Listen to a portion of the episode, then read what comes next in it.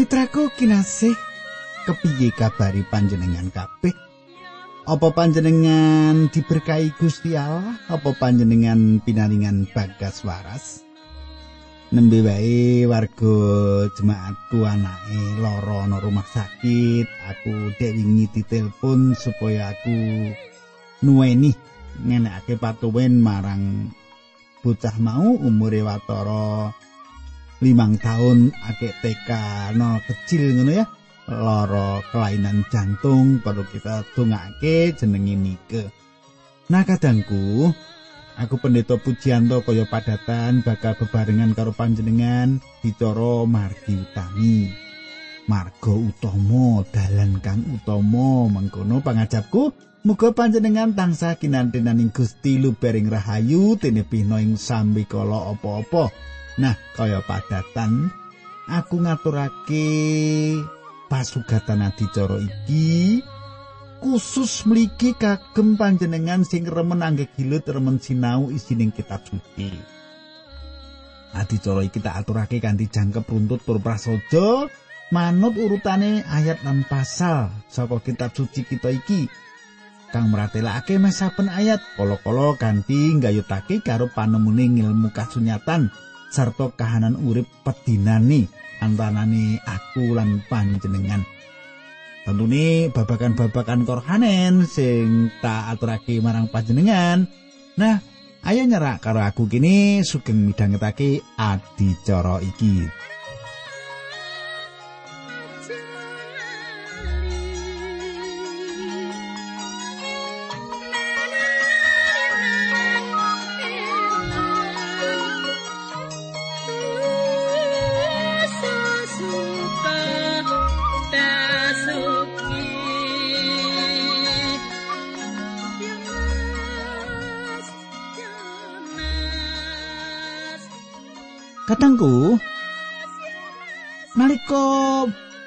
Patemon kita kepungkur aku wis ngaturake menawa Petrus nalika semono dikongkon mancing. Iwak kang sepisanan iku bakal ana duwite. Petrus mbok menawa bingung atine bingung nalika njupuk duit papat dirham.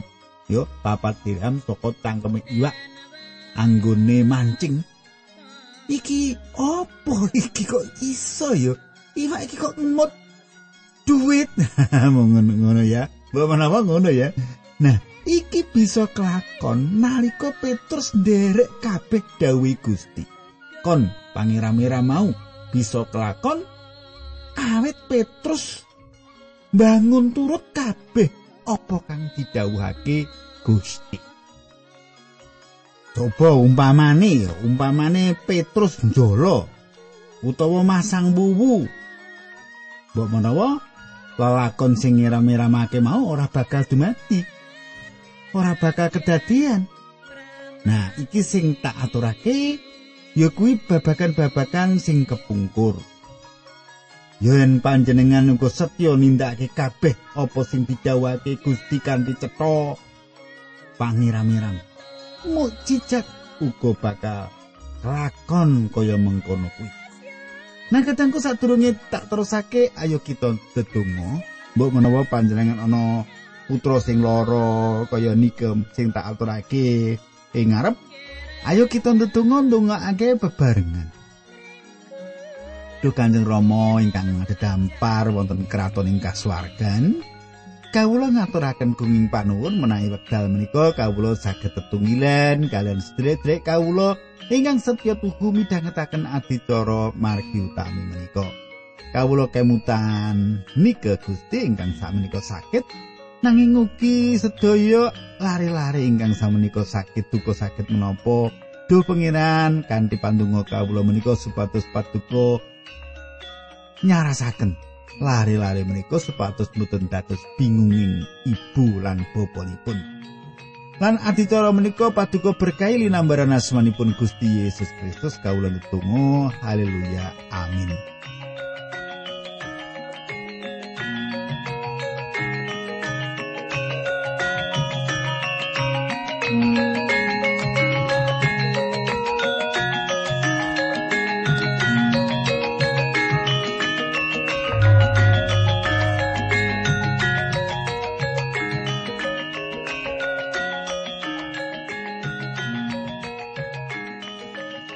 Para pamirsa ingkang dise Gusti. Ana tembung kelairake maneh ing kitab suci. Ana tembung kelairake maneh ing kitab suci. Tembung iki penting banget sebab kanggo syarat supaya wong bisa mlebu kratone swarga. Tembung kelairake meneh iki dadi penting sebab kanggo syarat supaya wong bisa mlebu kratone swarga. Coba panjenengan semak Matius 18 ayat 1. Ing nalika semana para murid Gusti Yesus padha suwane ngarsane sarta nyuwun pirsa. Sinten tiyang ingkang pinunjul piyambak wonten ing kratonipun Allah? Kadangku sajake nyemak apa sing ditulis sing ayat siji bab 12 Matius iki. Para murid sing nyuwun pirsa iki kepingin diwestani dadi sing paling ngedapi-dapi, paling pinunjul ing antarane murid-murid liyane. Ana pepinginan daging ing atine para murid iki. Bisa uga ora mung sing takon. Murid berliyane uga padha duweni pepinginan sing padha nanging ora kawetu. Kepengin gedhe dhewe. Kepengin apik dhewe, punjul dhewe ya. Saiki ayat loro. Gusti Yesus banjur nimbali bocah cilik siji didhawuhi ngadeg ing ngarepe para murid. Katangku, kersane opo Gusti? Iki kok nganti bocah sing cilik. Didhawuhi ngadeg ing ngarepe kabeh para murid. Kersane apa? Nah lelakon iki nuduhake yen enggone swan marang Gusti Yesus kanthi tememen. Ora wedi ora mangu-mangu. Ana ayat liyane ing Injil Markus sing nyebutake supaya aja ana wong sing ngalang-alangi bocah cilik sowan Gusti Yesus lire saben wong sing wis dewasa padha menehi kelonggaran bocah-bocah marang marang Sang Kristus. Cetoya saiki ayat telu. Tekan ayat papat tak wacake. Gusti nuli ngendika ngerti menawa kowe ora mratobat lan ora dadi kaya bocah cilik iki kowe ora bisa ngrasakake kratone Allah ana ing uripmu. Ayat papat wong sing pinunjul dhewe ing kratone Allah kuwi wong sing ngasorake awake lan dadi kaya bocah cilik iki. Kadangku ukara dadi kaya bocah cilik.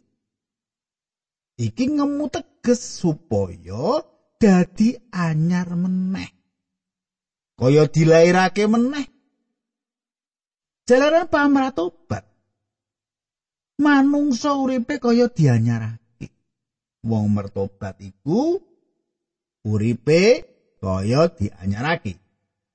Coba panjenengan semak ing Injil Yohanes 3 ayat 3 nek ini Yohanes 3 ayat 3. Gusti Yesus nuli ngendika elingo. Ora ana wong sing bisa ngrasakake kratone Gusti Allah yen wong mau ora kelairake meneh.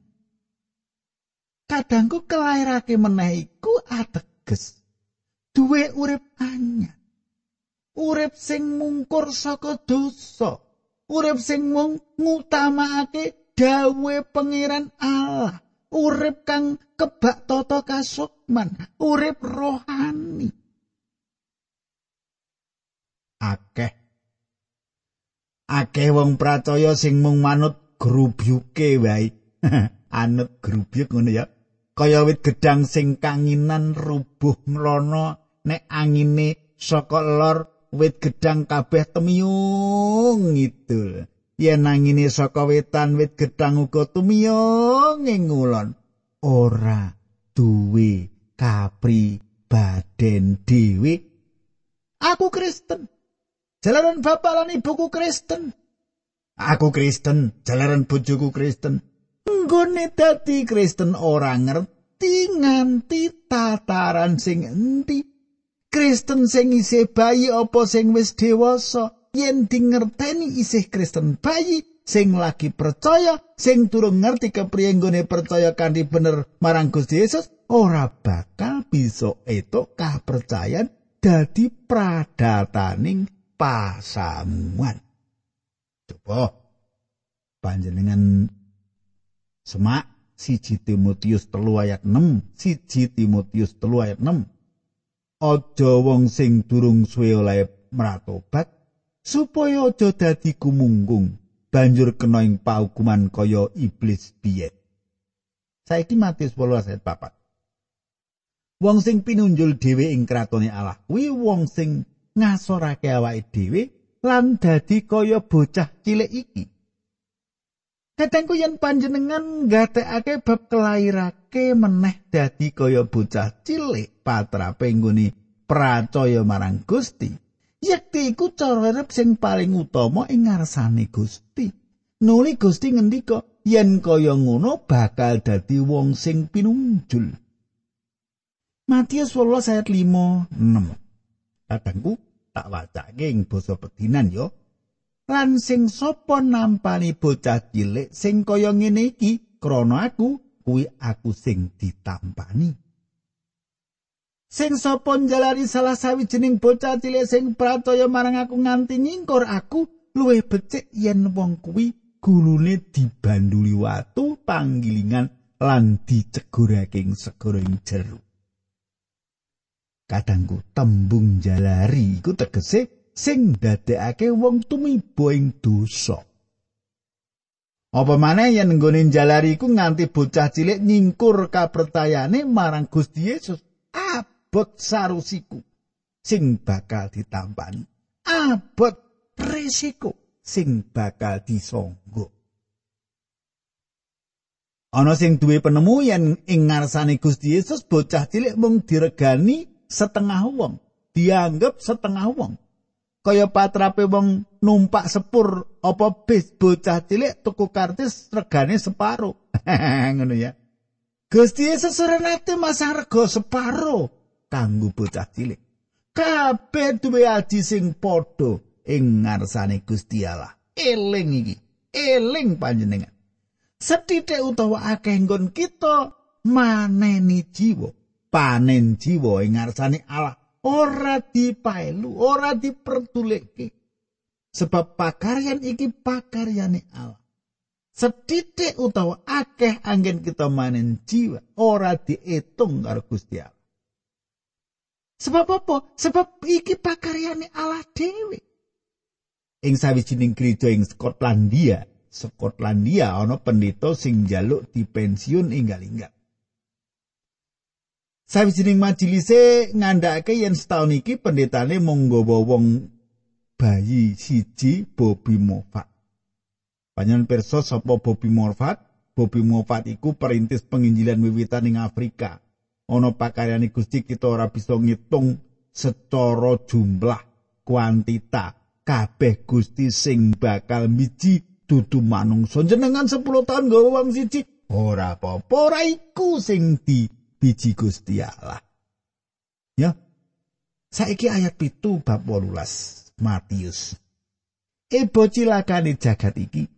Dene ana panggodha nganti njalari ana wong nglakoni dosa.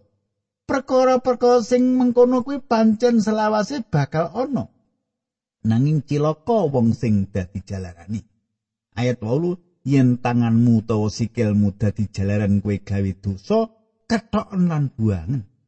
Sebab luweh becik tumraping kowe urip nunggil karo Gusti Allah tanpa tangan sesisih utawa tanpa sikil sesisih. Ketimbang karo tanganmu lan sikilmu karo-karone ganep nanging awakmu sekujur kacemplungake ing genining neraka. Wah, iki pepenget sing diparingake Gusti marang manungsa sing paling sereng keras.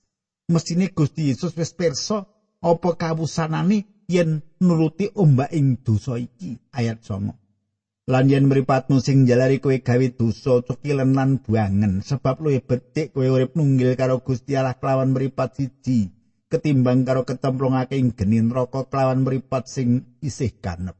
Ayat 10 awas kowe aja ngremehake salah siji saka panunggalane bocah-bocah cilik iki. Para malaikate bocah-bocah cilik kuwi tansah padha ngadep ramaku ing swarga. Katengku Gusti ora ngaparengake kita manungsa dewasa nganti ora nggatekake bocah-bocah cilik. Kabeh bocah cilik iku dadi kekasih Gusti Yesus. Gusti Yesus uga sedo kanggo para bocah cilik iki. Mula Gusti ing Injil Markus ngendika ayat 14 Markus 10 Perso mengkono mau Gusti Yesus banjur duka karo para rasul dawi karepen bocah-bocah marani aku aja padha kok alang-alangi awit wong sing kaya bocah-bocah kuwi sing padha dadi umat ing kratone Allah. Kadangku saiki tak teruske pasemon bab wedhus ya. Pasemon bab wedhus Matius 18 ayat 11 rolas lulas tak wacake. Sebab prawe putrane manungsa kuwi perlu nyelametake wong-wong sing kesasar. Kepriye panemumu? Upamane ana wong duwe wedhus 100, banjur ana siji sing ketriwal. apa sing bakal ditindakake dening wong mau? Apa wong mau ora banjur ninggal wedhus sing sangang puluh songo ana ing pangunan? Nuli lunga golek wedhus siji sing ketrial mau? Ayat 13 dene yen bisa nemokake wedhus sing ilang kuwi mesti wong mau luwih bunga ing ngatas wedhus siji kuwi ketimbang karo wedhus sangang puluh songo sing ora ketriwa. Kadangku Ing pasemon iki inti sarine bab kepriye bisa nyelametake wedhus sing ketriwa. yen ing jelukas pasemon iki inti sarine nemokake wedhus sing ketriwa. Kadangku, nggone Gusti Yesus nutup pasemon iki sing ngagem tembung bocah cilik. Ayat 14, mengkono ramamu ing swarga ora ngersake yen panunggalanmu bocah-bocah cilik kuwi ana siji wae sing ketriwa. Kadangku, Gusti adreng banget nggone mrehatenake kahanane bocah-bocah cilik. Panjenengane ora ngersakake yen ana bocah sing ketriwal nandang sengsara nandang pamulasara utawa panyiksaan. Matius 15 ayat 15 16 17 tak wacake. Yen sedulurmu duwe kaluputan paranono lan tuduhno lupute. Kuwi tindakno kelawan sesideman. Ijen padha ijen. Yen sedulurmu mau nggugu tembungmu ateges kowe bati awit ora kelangan sedulur. Nanging yen wong mau ora gelem manut marang pituturmu, ngajak wong siji utawa loro ngkas. Sebab ing kitab suci katulis yen saben pandhawa kudu dikuatake dening seksi loro utawa telu. Dene yen wong sing keluputan mau ora manut marang pituture wong-wong kuwi, perkarane banjur aturna marang pesamuan. Dene yen sawise kuwi meksa ora manut marang pituture pesamuan, wong kuwi anggapen wong kafir utawa juru mubeo. Katangku kaluputan sing dikandhakake ing kene iki kaluputane wong pratoya marang wong pratoya. Sing ditatoni atine duweni kewajiban kanggo ngilingake marang sedulure sing gawe kaluputan mau. Yen orang gugu bisa ditekani kanthi nggawa ruang loro utawa telu lan sateruse. Ing conto iki sing dikersakake Gusti supaya cara ngrampungake padudon tumrap wong loro kudu bisa dirampungake kanthi cepet lan uga kanthi ati sing sareh. Apura ing apura iku wis dadi jamak lumrahe kanggo kita wong percaya kanthi mengkono ayat sak bunjurse nerangake apa gunane apura ing apura. Matius 18 ayat 18 19 nganti 20 engko tak wacake. Padha elinga apa sing kok taleni ana ing donya kene uga bakal ketalenan ana ing swarga lan apa sing kok udari ana ing donya kene uga bakal kaudaran ana ing swarga. Lan iya elinga yen ana wong loro panunggalanmu sing saiyet dedonga nyuwun apa wae pandungane mau bakal dikabulake dening ramamu ing swarga. Katangku dadi yen ana panyuwun sing kanthi guyub diaturake marang Allah panyuwun mau bakal kaparingake sauger kagem kamulyane Allah mesine. Awit nalika guyub bebarengan ing patunggilan Gusti Allah mesti rawuh ing tengah-tengahi. Ayat 20 selikur rolikur. Sebab semasana wong loro utawa telu padha kumpul bebarengan kelawan nyebut jenengku, aku uga ana ing kono. Sawise kuwi Petrus banjur suwani ngarsane Gusti Yesus lan matur, "Gusti, menawi sederek kawula wong salwangsul damel kalepatan dhateng kawula, ngantos kaping pinten nanggen kawula kedah ngapunten menapa ngantos kaping telu Gusti Yesus ngendika ora mung ping pitu nanging nganti ping pitung puluh kaping pitu Kadangku Petrus ngira yen aturi marang Gusti ku keladuk. Keladuk sebab yen manut para nabi ngapura kalupatan nilian iku ping pindho utawa telu. Cukup. Nanging Gusti Yesus sing Maha Asih iku ndawuh, paring dawuh yen pangapura iku kaping 490. Wah, kaluputan lagi cacah 10 wae wis lali. Bab kaluputane sing kapisan iku gua tekes sakabeng kaluputane liyan marang panjenengan lan aku kudu diapura. Nuli Gusti Yesus paring pangandika gegayutan karo kratoning kasuwargan. Matius 18:23 patikus selawe 26. Mangkene surasane. Sebab kratone Allah kuwi kaya kanane pasemon iki raja sing anakake etang-etangan karo abdine. Bareng dianakake pepriksan ana abdi sing disowanake, abdi mau utangi pirang-pirang yuta. Mongko wong mau ora bisa nyaur, mulane sang raja dawuh supaya abdi kuwi didol sak anak bojone lan sebarang darpe kabeh kanggo nglunasi utangi. Adi mau nulis sujud semengko mingarsane raja mau sarta matur Gusti mugi kersa nyabari kawula sedaya sambutan kawula badhe kawula lunasi.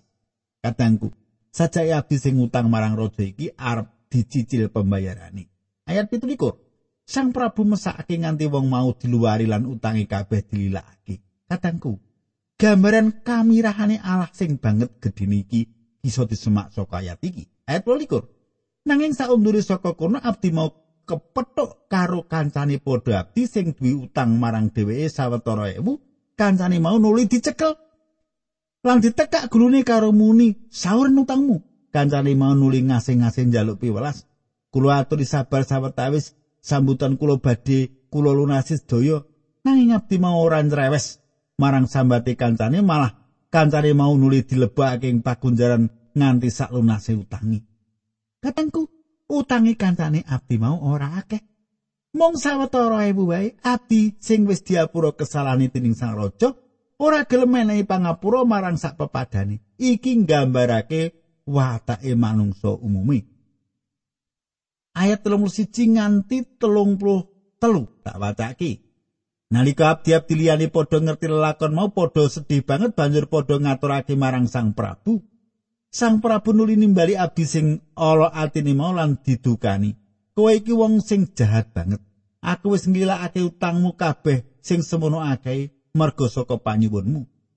Apa ora wis sak mesine kowe melasi kanca-kancamu padha abdi kaya nggon kowe wis melasi kowe? Katangku. Wis sak mestine yen kemirahane Allah sing wis diparingake kanthi telahanan bisa diterapake marang sak pepadane. Saiki mlumpat maju Efesus 4 ayat 32. Efesus 4 ayat 32. Aluwung padha nindakno kabecikan lan padha sumanao siji karo sijine. Padha apura ing ngapurwa kaya dene Gusti Allah ana ing Sang Kristus ya wis ngapura marang kowe kabeh. Kadangku semene dhisik atur giaran iki muga panjenengan kaberkahan nganti pepanggian meneh ing adicara candake saiki kita ndedonga. Gusti sampun kawula aturaken landesan-landesan pangandikan ingkang saking kitab suci kawula nyuwun roh suci paduka ingkang nyetakaken dumateng telenging manak sedherek kawula menika linambaran asmanipun Gusti Yesus Kristus kawula tunggu haleluya amin